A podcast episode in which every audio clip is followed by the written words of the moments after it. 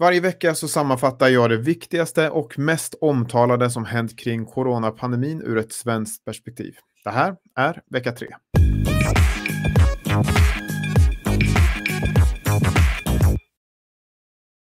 11 005 har nu avlidit med covid-19 i Sverige, vilket är en ökning med 682 inrapporterade dödsfall jämfört med förra veckan.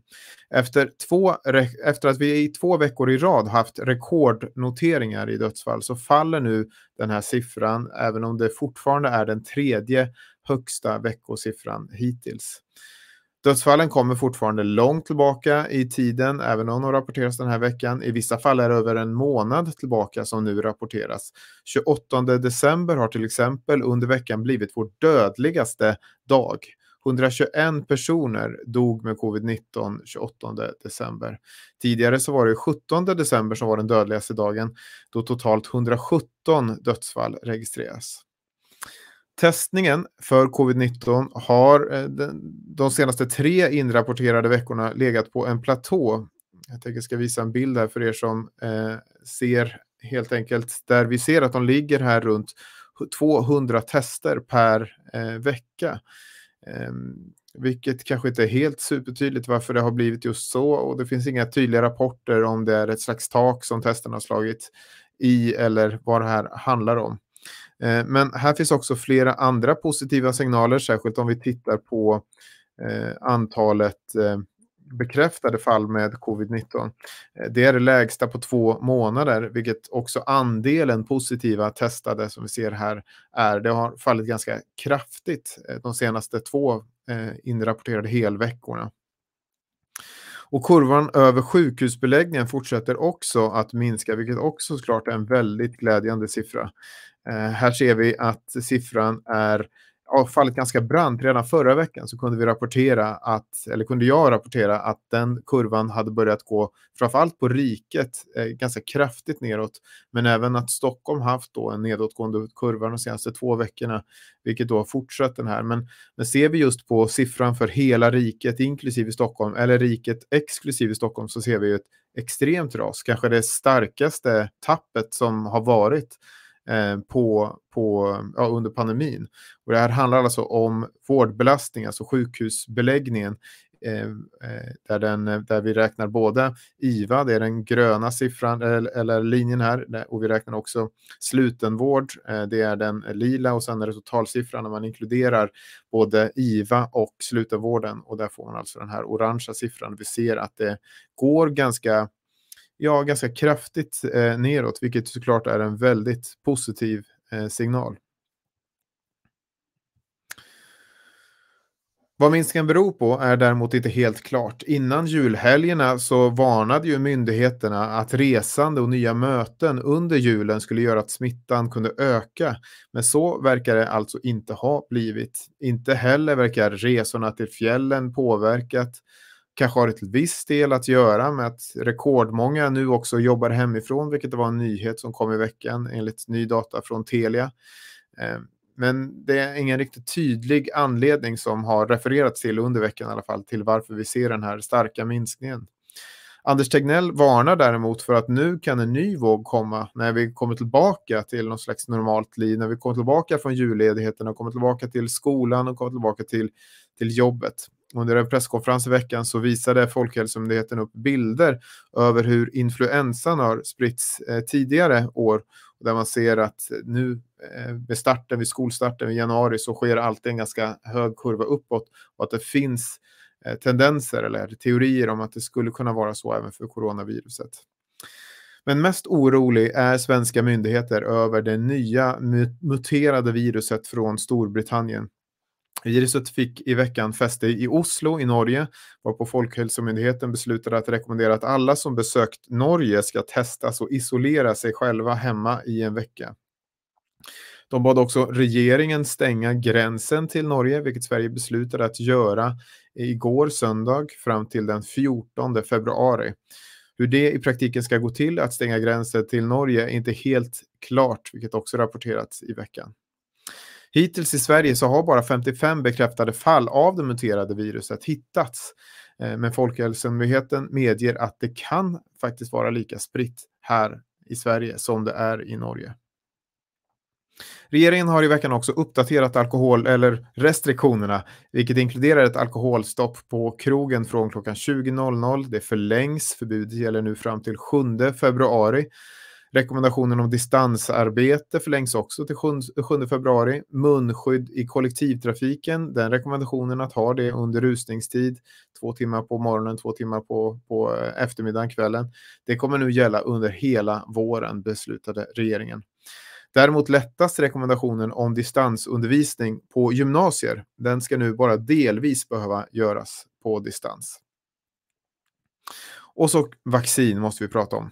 Minst 147 000 personer har nu vaccinerats i Sverige. Men fortfarande så har bara hälften av de levererade doserna använts. TV4 gjorde i veckan en eh, genomgång där man tittade just på hur många som, av doserna som har levererats ut har använts av olika regioner.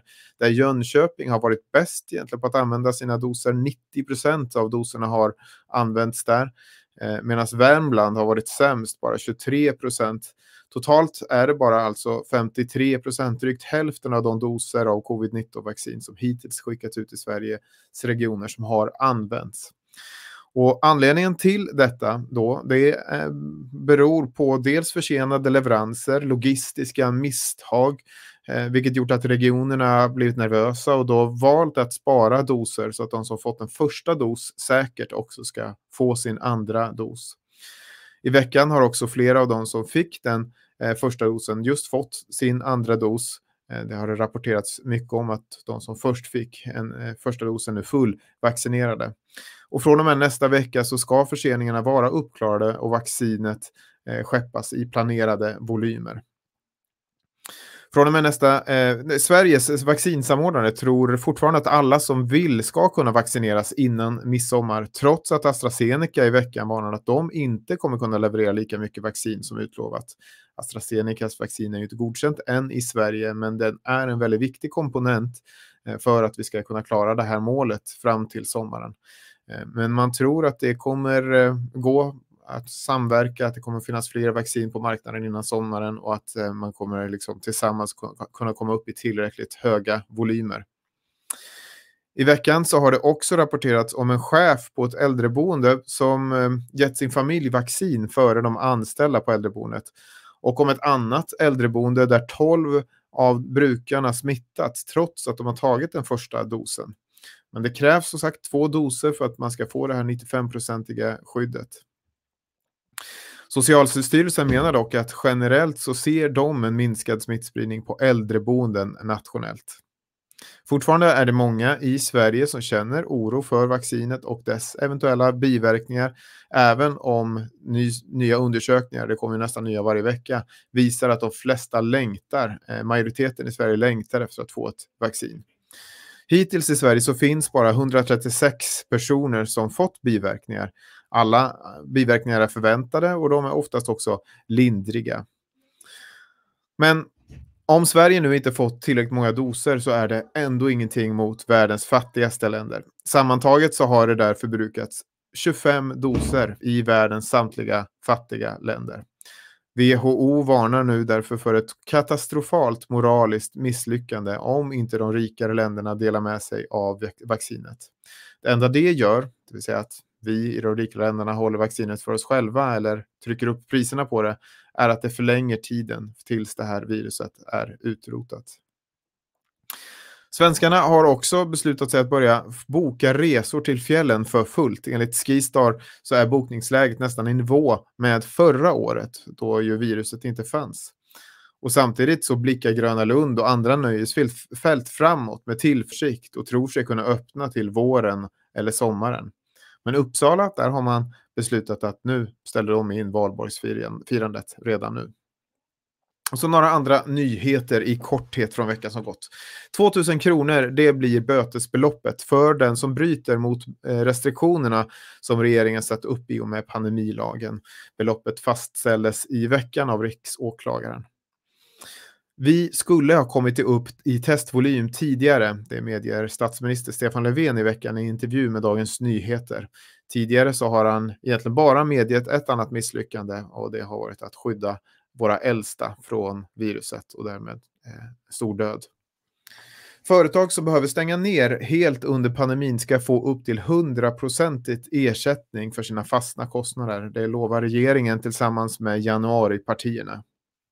Och barn ska nu få börja ut, utöva idrott inomhus igen. Fortfarande så gäller ju förbud för aktiviteter i idrottshallar, men i veckan så fattades alltså beslut att det inte gäller för barn födda efter 2004, eller från 2005 och framåt så att säga.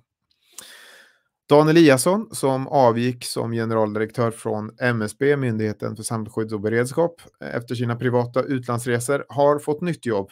Det presenterades i veckan. Jobbet är inom regeringen och det handlar om att se över den svenska krislagstiftningen. Dan Eliasson behåller både lön och titel. Det har i veckan också avslöjat att Eliasson och MSB försökt införa tuffare åtgärder mot pandemin tidigare men inte fått gehör för det.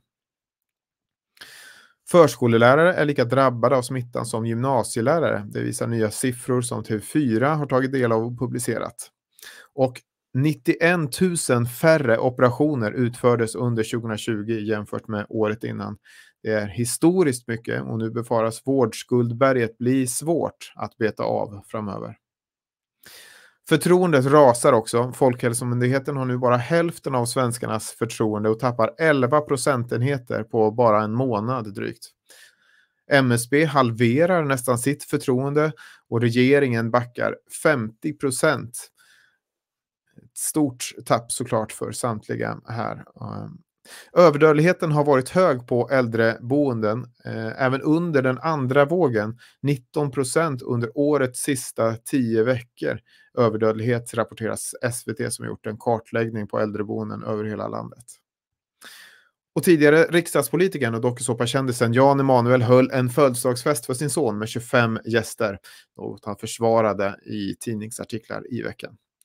Och till sist, Komikern Jackie Sjödin har ju fått en rejäl skjuts med corona. Jag vet inte om ni kanske har sett några av hans klipp. Eh, men vi ska titta på ett av dem som kanske fick störst spridning den här veckan. Där jag publicerade en slags hatsång till corona. Ska se om ljudet fungerar också.